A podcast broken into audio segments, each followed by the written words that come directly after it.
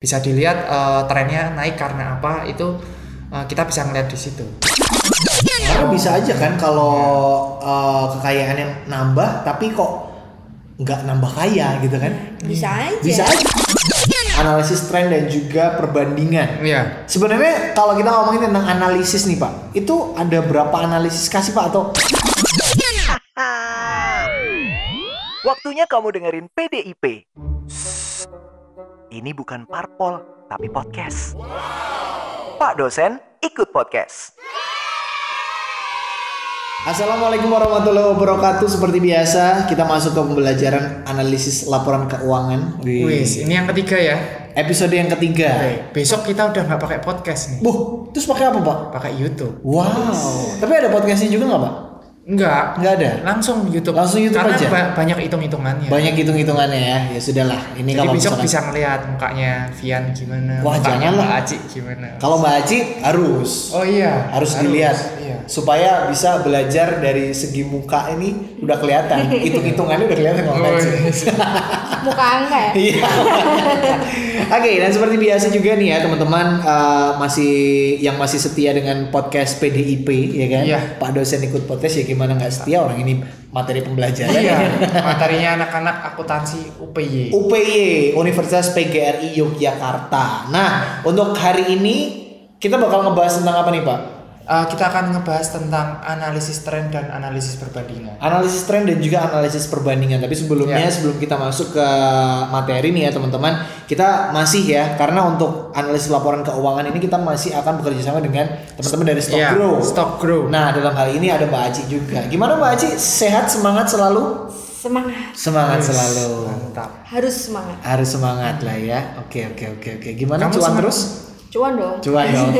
Yang bikin semangat cuannya ya? Eh, cuannya dong. Cuan. Saya aja baru ngecek tadi barusan. Hari ini nggak saya cek tiba-tiba cuan. Udah jual apa aja? Hah? Jual apa aja? jual diri pak jual diri menjadi MC Wih. menjadi public speaker gitu maksudnya Jadi Oke, asisten dosen. eh, Iya. jadi asisten dosen sekarang Jual suara. tiap hari saya ketemu situ pak bikin podcast terus kita ya Aduh. Alright. Lanangan kok ketemu. Ya lah, seperti biasa nih ya teman-teman kita masuk ke materi untuk hari ini kita akan membahas tentang analisis tren dan juga perbandingan. Iya. Sebenarnya kalau kita ngomongin tentang analisis nih pak, itu ada berapa analisis kasih pak atau eh, ada berapa jenisnya gitu? Sebenarnya analisis itu banyak banget. Banyak banget ya? Untuk eh, laporan untuk menganalisis suatu laporan keuangan itu banyak banget Hmm. analisis. Ya mungkin ada yang bisa cuman membagi dua, Hmm. analisis teknikal dan analisis fundamental. Oke. Tapi juga ada beberapa yang eh, membagi eh, menjadi tiga, ada Hmm. yang bagi banyak banget analisis sebenarnya macamnya itu banyak banget analisis untuk laporan keuangan. Tapi yang kita pelajari di sini Mhm. itu kita akan membahas tiga analisis. Yang pertama adalah analisis tren, Mhm. yang kedua adalah analisis perbandingan, dan yang ketiga adalah analisis rasio. Nah, mungkin bisa dijelaskan dulu nih Pak. Kalau untuk hari ini kan kita akan membahas tentang tiga nih ya.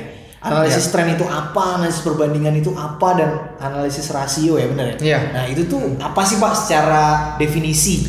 Nah, sebenarnya analisis tren itu kita cuman pengen ngeliat trennya itu gimana. Naik atau gimana? turun Mhm. gitu. Naik karena apa, turun karena apa.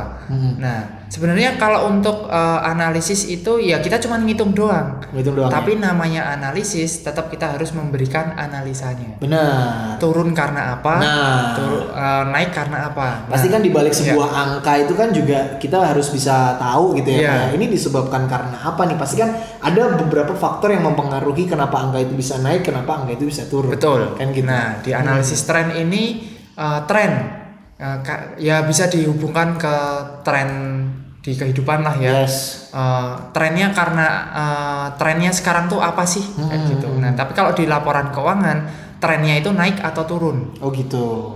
gitu. Naik eh, naiknya karena apa, turunnya karena apa. Kalau di perbandingan itu eh, year on year. Hmm. Yearly lah. Jadi eh, tahun sebelumnya dan tahun sesudahnya. Oke. Jadi sebenarnya juga sama. Naik itu karena apa, turun karena apa. Tapi perbedaannya di sini adalah kalau di perbandingan Mhm. itu naik berapa persen. Oh, dan ini ya mungkin rentang waktunya tidak terlalu jauh juga Iya. ya. hanya setahun doang. Ada setahun Iya. doang. Berarti bisa dibeda bisa dibilang ini bisa dibedakan dari rentang waktu Iya kalian betul. Ini ya. Nah terus ada analisis rasio. Kalau analisis rasio banyak, Hmm. ada lima. Eh, yang pertama adalah rasio likuiditas. Mhm.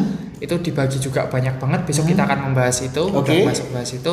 Terus yang kedua adalah analisis solvabilitas atau leverage. Betul? Terus ada analisis profitabilitas. profitabilitas, ada analisis eh, aktivitas, aktivitas, rasio aktivitas. Terus ada untuk rasio nilai pasar. rasio nilai pasar. Jadi tadi ada uh, likuiditas, Solvabilitas, profitabilitas, aktivitas dan juga rasio nilai pasar. Ya, Begitu. itu akan kita bahas satu persatu besok. Oh gitu. Biar mahasiswanya dong. Ah, jadi kita kesampingkan dulu antara lima rasio ini Iya, tadi. Kita akan fokus ke analisis tren dan juga perbandingan. Iya. Betul ya, Pak ya? Betul. Oke. Jadi kalau kita ngomongin tentang analisis tren itu bisa kalau tren berarti bisa melompat ya? Iya, bisa lompat. Jadi eh, kita mau misal ya tren. Wah, trennya 2020 nih kayaknya hampir sama deh dengan trennya 98. Misal ya. Misal ah cobalah aku pengen eh, membuat analisis eh, tren antara 2020 dengan 98. Nah, itu bisa. Tapi kalau perbandingan ya antara 2017 sama 2018. 2020 sama 2019. Iya, betul. Karena 2024 sama 2025. Iya Gitu. betul. Kenapa eh, analisis perbandingan ini yearly? Ya Ah. karena eh, kebanyakan untuk eh, membuat yang namanya laporan keuangan pro forma. Proforma apa itu, Pak? Laporan keuangan pro forma itu adalah laporan keuangan perkiraan di tahun depan. Perkiraan di tahun depan. oh, forecastnya lah ini. Iya, forecastnya. Ah, betul.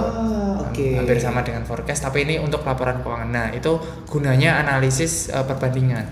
Berarti eh, ini kan kalau kemarin kan kita juga nyinggung soal analisis laporan keuangan ini kan pasti berpengaruh terhadap eh, analisis fundamental ya, Mbak ya. Betul. Ci, ya. Ini berarti eh, bisa dong menggunakan eh, tadi yang dimaksud itu laporan keuangan pro forma itu Bisa. bisa diaplikasikan ke ketika kita pengen melihat analisis fundamental dari sebuah perusahaan nih ke depannya itu berarti juga salah satu manfaatnya juga di situ ya, Pak. ya? Iya, bisa, bisa. Hmm.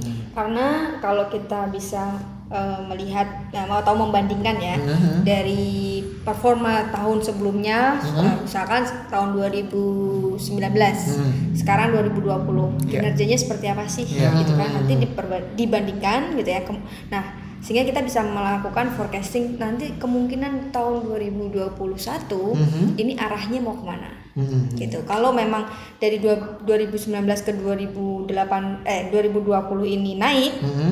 kemungkinan besar eh, 2021-nya juga naik gitu. Tapi kan tetap masih ada faktor-faktor lain. Iya. Ya, faktor-faktor lain itu juga tetap harus dipertimbangkan. Mhm. Gitu. Oke. Oke oke oke oke. Nah kalau untuk laporan keuangan atau analisis tren dan juga perbandingan ini apa ya? Apa sih manfaat-manfaat selain itu? Misalkan tadi kan juga bisa eh, digunakan untuk eh, melihat laporan keuangan performa. Gitu. Iya. Mungkin ada manfaat-manfaat lain gitu pak? Nah sebenarnya gini bisa untuk auditor jadi Hmm. eh, analisis tren ini bisa dilihat eh, naik itu misal ya salah Hmm. satunya adalah pos kas Poskas. ya kas itu eh, di tahun 2017 misal di tahun 2017 sekitar 5 juta Hmm. Di tahun 2019 ada 16 juta. Loh ini trennya naik nih. Hmm. trennya naik karena apa? Bisa dilihat oh ternyata analisisnya dari melihat piutang juga. Ada Oke. pemba- eh, pelunasan piutang di situ. Terus ada juga eh, pendapatan investasi. Akhirnya kasnya naik. Nah Hmm. seperti itu. Jadi bisa dilihat eh, trennya naik karena apa? Itu eh, kita bisa melihat di situ sebenarnya. Hmm. kalau untuk analisis perbandingan ya sebenarnya kita melihat yearly-nya ya. Jadi eh, membandingkan 2017 dengan 2018 eh, kira-kira mencapai target eh, yang kemarin nggak sih gitu. Nah, terus eh, bisa dilihat oh ini kas naik eh, karena ada pelunasan piutang. Bener nggak sih? Dilihatlah eh, piutangnya diperbandingkan. Oh iya, piutangnya turun karena adanya pelunasan piutang. Akhirnya kasnya naik. Nah, Hmm. seperti itu. Jadi memang hampir sama eh, melihat naik atau turunnya tapi melihatnya dari eh, tahunnya yang membedakan itu tahunnya seperti itu. Hmm. Oke ini menarik banget nih ya. Kalau untuk eh, hubungannya sama investor selain Nah, tadi eh, Itu kalau hubungannya dengan investor kita tanya ke Mbak boleh, Aci. boleh, boleh, boleh, boleh nih. Gimana nih Mbak Aci? Ya, kalau sebenarnya kalau kita itu ngelihatnya itu memang eh, ada beberapa kayak misalkan tren IHSG itu eh, sekarang ini seperti apa sih gitu. Iya. Nah, salah satunya ya kita lihat eh, apa ya bisa kita bandingkan tahun 2000 performa sekarang misalkan bulan per bulan ya Yes. Iya. Eh, September. November Oh, iya, eh, November. seka- sekarang September. September, September. September tahun 2020 20. Eh, dengan September 2019 Iya. misalkan gitu Eh, kecenderungannya ini eh, IHSG itu naik apa turun Oke. gitu. Nah dari situ nanti kita bisa melakukan analisis gitu. Maksudnya ini baiknya kita masuk nggak sih ke pasar eh, modal atau kita ke bursa saham gitu. Lagi bagus nggak sih bursanya gitu. Bursa bagus tuh bukan eh, bur- eh, IHSG turun tuh bukan berarti jelek ya. Iya. Gitu. Justru ini timing yang tepat buat investor. Oh ternyata ini ada koreksi yang cukup signifikan misalkan. Oke. Ya udah ini memang timingnya untuk berinvestasi di situ. Kenapa? Karena kemungkinan tahun depan kalau performanya bagus gitu ya bisa akan eh, apa namanya juga akan apa ya kan pernah mengalami eh, sejarah gitu ya Iya. Ya, tahun 2019 bulan September itu kayak IHSG sekitar 5000 lebih Yes. Enam ribu lah ya. Enam ribu tuh 6.000. kayak biasa banget gitu Iya, ya, ya. heeh. Dan kalau di apa eh, IHSG itu kalau secara teknikal kita bisa lihat dari eh, sejarahnya kan, ada kemungkinan Iya. dia akan rebound di yang sama gitu. Nah itu eh, cara membandingkannya gitu. Nah cuman kalau kita masuk ke misalkan eh, laporan eh sorry pertumbuhan ekonomi gitu Yes. kan, Iya. ini kan lagi jadi sorotan nih, ah. ya kan? Dari kuartal 1 kita ada di min eh belum minus kan masih positif kan? Masih. Tapi sudah turun dari kuartal 4 2019. Ya kan? Kuartal 4 masih sekitar 5%.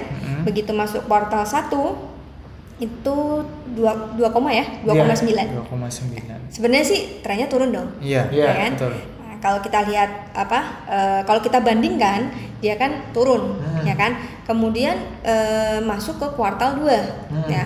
Kuartal 2 dalam banget turunnya Hmm. gitu kan. Karena memang kondisi kondisi pandemi ya, Iya, itu yang betul. sangat benar-benar memukul eh, ekonomi eh, Indonesia Hmm. gitu. Nah, itu kita bisa bandingkan seperti itu. Nah, lihat trennya kita bisa. Kalau trennya ya jelas dari kuartal 4 ke kuartal kuartal 4 2019 ke Hmm. kuartal 2 2020, ini kan trennya udah eh, apa ya? Jelas lah ya. Jelas ya. Ah, ah, ah. Eh, dalam Dalam banget, banget, gitu ya. ya. Nah, kemungkinan nanti ah. kuartal 3 itu akankah rebound ataukah masih Di tempat di yang tempat sama. yang sama atau bahkan minus lagi. Iya. Karena kan eh, kalau ini kan faktornya nggak cuman kalau laporan keuangan Iya. itu kan jelas ya Hmm. arahnya ke mana. Mes- Meskipun sebenarnya juga dipengaruhi oleh pertumbuhan ekonomi, kondisi eh, Yes. kondisi ekonomi sesungguhnya. Hmm. Karena kan kalau masuk di perusahaan itu faktornya juga internal eksternal, ya kan? Oke. Internal eksternal juga sama. Tapi eh, maksudnya di sini eh, cara membandingkannya seperti itu. Hmm. Nah, kemungkinan eh, kuartal berikutnya akan turun lagi atau enggak kita Hmm. juga masih belum tahu. Sebelum ada eh, istilahnya apa ya pembalikan arah, Hmm. ya berarti trennya belum berubah toh. Iya, betul. Nah, jadi se- begitu dia sudah ada pembalikan arah, misalkan makin dalam nih kuartal berikutnya, eh jadi kemarin minus tiga, Iya. Eh, Dua minus apa tiga ya? Dua atau tiga ya? Ya, Lupa ya, sekitar- antara dua atau tiga ya. antara itu lah. Aku aku soalnya tipikal orang yang tidak mau terlalu melihat minus ya. Jadi tidak Harus ingat. optimis ya. Ya, tidak optimis. Anda optimis sekali ya. Optimis sekali. Nah misalkan ya Hmm. ternyata harus eh, minus lagi empat lah, ya usah Iya. dalam-dalam gitu. Berarti Ah. kan masih masih turun ini.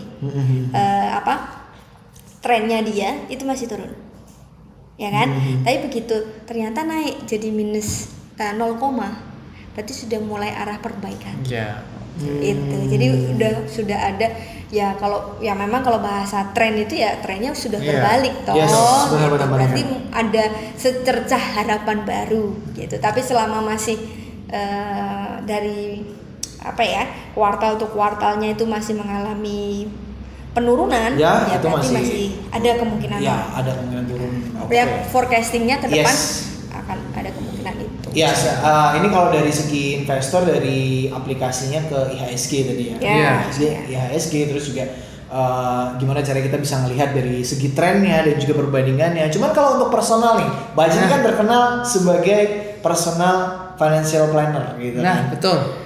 itu eh, jadi gini Mm-mm. jadi itu kan eh, knowledge lain Ya. yang Ya. harus kita Ah. bawa Mhm. yang harus kita punyai saat kita mau berinvestasi Betul. ya Oke, kan iya. sehingga kita tahu oh aku mau invest ini karena dia mau rebound Mhm. ya sinyalnya oke. jelas Ya. ya kan Oke. kalau sinyal trennya sudah mau berbalik nih Mhm. ya kan berarti kita mulailah masuk di sektor sek- eh, baik di perusahaan boleh mau di eh, pasar modalnya juga boleh misalkan Mhm. karena apa. Eh, trennya sudah berbalik Hmm. kalau secara ekonomi oh mau bisnis nih karena secara eh, apa namanya secara tren Mhm. tren ekonominya tren pertumbuhan ekonomi sudah berbalik misalkan Mhm. nah itu itu salah satu eh, apa ya eh, Apa acuan? acuan Acuan. Nah, Hmm. acuan lah acuan buat kita bahwa oh ini timing yang tepat Hmm. gitu tapi kalau masih minus minus minus ya berarti ini belum waktu yang Belum, tepat belum. Gitu.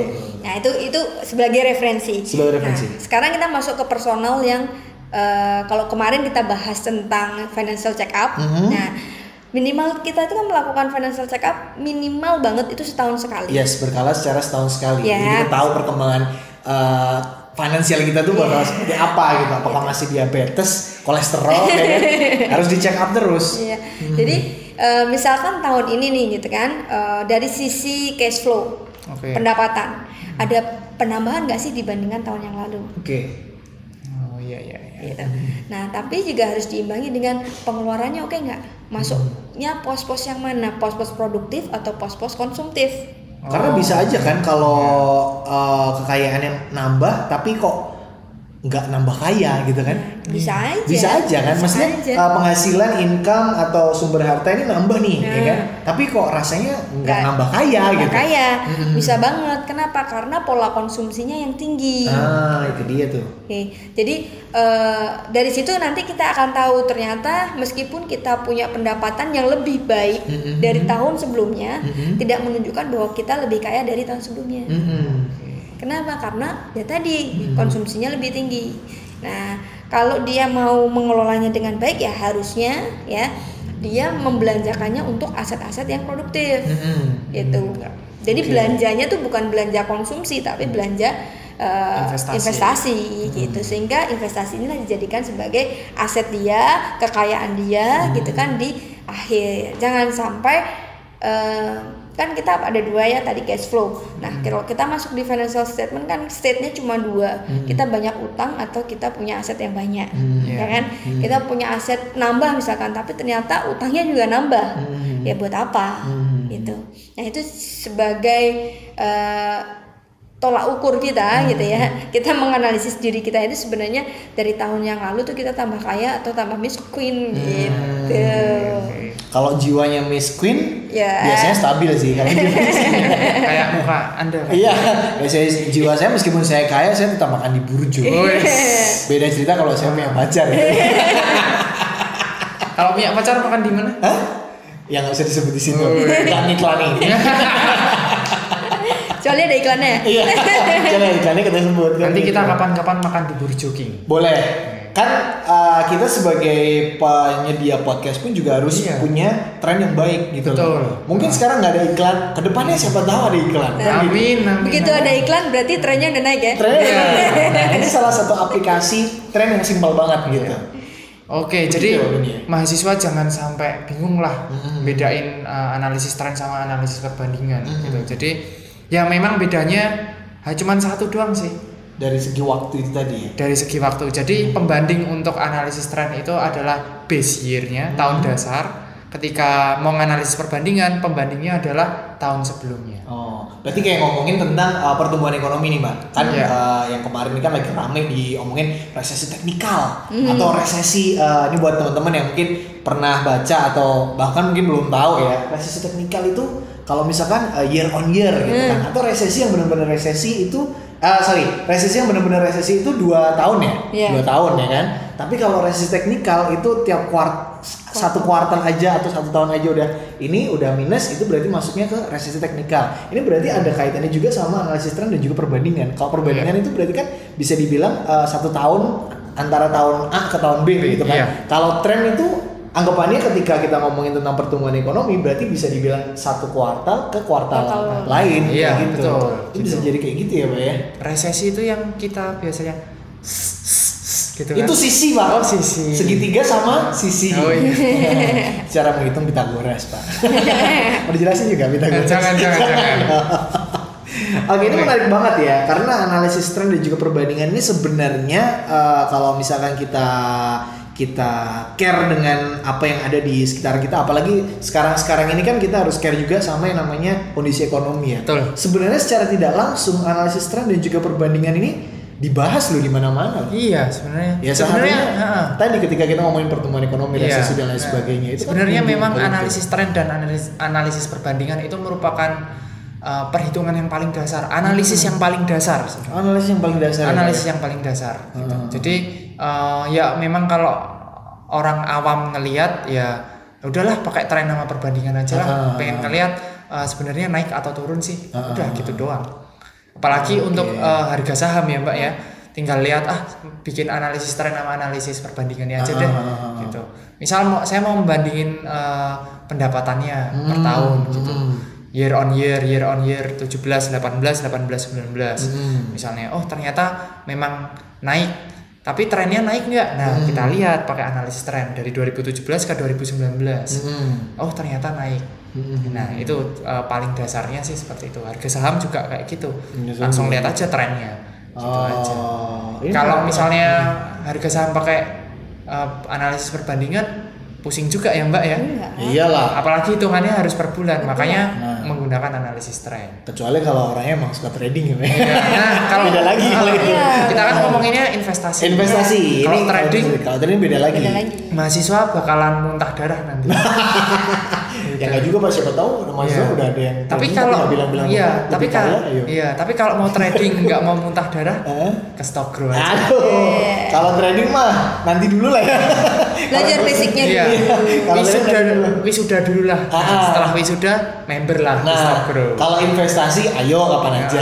Iya, karena trading berat cuy. trading emang sedikit. Tapi kan harus maksudnya gini, Harus harus, menyiapkan eh, benar. kalau bisa malah eh, saya tuh pengen gitu ya. Hmm. eh, mungkin lima tahun lagi Iya. ya. Iya. Kalau kalau eh, kondisi ekonomi kita itu kan nggak bisa dibandingkan dari tahun ke tahun. Iya, Iya, betul. Kenapa? Karena akan sedikit perubahannya, tapi begitu kita akan komparasinya per lima tahun atau per Iya. 10 tahun itu akan Kelihatan. signifikan Iya. gitu. Nah. Sama investasi juga seperti itu, gitu loh. Hmm. Jadi kalau teman-teman mahasiswa tuh sudah memulai saat mereka jadi mahasiswa, dia iya. sudah menata keuangannya dengan benar. Jangan lihat besok kalau wisuda, lihat tiga tahun setelah kamu wisuda. Oke. Gitu. Kayak dia. gitu. Pasti kamu akan berbeda dibandingkan teman-teman kamu yang tidak belajar tentang personal finance. Nah, itu dia. Itu dia. Ternyata personal planner itu penting. Hmm. Apalagi buat keuangan. Benar banget, harus memang. Karena yang yang namanya duit itu kan nggak jauh dari kita. Iya. Tiap hari harus kita pegang. Iya, ya. betul. Paling nggak buat beli makan, Hmm. ya kan? Pokoknya jangan sampai kuncinya jangan sampai uangnya masuk ya sebulan sekali, keluarnya Iya. tiap hari. Nah itu dia, itu yang paling penting. Eh tadi kayaknya saya ada salah ngomong dikit nih, Apa? Pak. Takutnya nanti saya diserbu juga. Kalau resesi itu dua kuartal ya, ya? Dua kuartal baru bisa dibilang resesi. Resesi. Tadi kan saya bilangnya dua tahun. Dua tahun. Jadi salah. Jadi Oh ya. diralat. Bentar. Untung langsung di ini ya. Mau diedit nggak? Ah, ini tuh mah saya sendiri. Oh iya. saya Kan udah usah- Iya, Ah. saya nggak usah ngedit ya. Nggak usah ngedit. Saya ngangkat.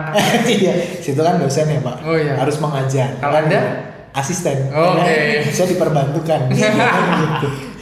Oke, ada ada lagi Pak mungkin yang mau disampaikan tentang Ya. analisis tren dan juga perbandingan. Eh, sebenarnya cukup sih ya.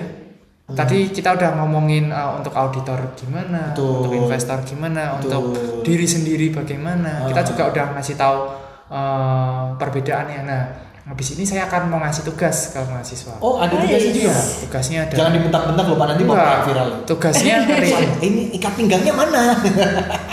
Jangan kayak gitu loh Pak. Oh, jangan lah. Kalau saya dosen yang nggak bisa bentak Oh, gitu. kenapa Jadi Pak? ya karena membangun eh, kebijaksanaan. Eh, brand karena- image, brand iya, image. Iya, brand image. Karena yang namanya melatih mental itu bukan caranya di, bukan dibentak-bentak, Pak. Diapain? Beli saham. Mantap ya Anda ya. Nah, Iya benar. Betul. Wah rugi, kapok mu kapan? Eh, tapi kalau kalau ternyata tugasnya relate ke ini ya investasi ya, kita harus dukung dong. Harus Iya. dukung, harus dukung. Karena Pastinya, Pak. Eh, yang saya berikan adalah laporan keuangannya real. Hmm. Nanti lihat aja lah di WhatsApp grupnya. Boleh, boleh, boleh. Soalnya Boleh pakai. WhatsApp grup. Nanti kita lihat ya. Iya. Boleh, kita nanti ikut-ikut juga lah. Paling gampang sih WhatsApp grup ya. Padahal udah ada Google Classroom, ada e-learning, tapi Loh. Ya sedikit ribet lah. Untuk apa jika kita bisa membuat podcast? Oh nah, iya, kita gunakan inovasi-inovasi kreativitas dalam pembelajaran di zaman sekarang. Iya. Itu loh, Pak. Eh ini bisa jadi pembelajaran yang kekal loh. Bisa, Iya, betul. bisa. Ya. Karena ini bisa jadi e-learning juga Iya. kan sebenarnya. Iya. Karena ini asinkronus. Asinkronus. gitu. Jadi bisa di-download di mana pun. Mm-mm. Kalau sinkronus kan kita harus virtual live. Boleh.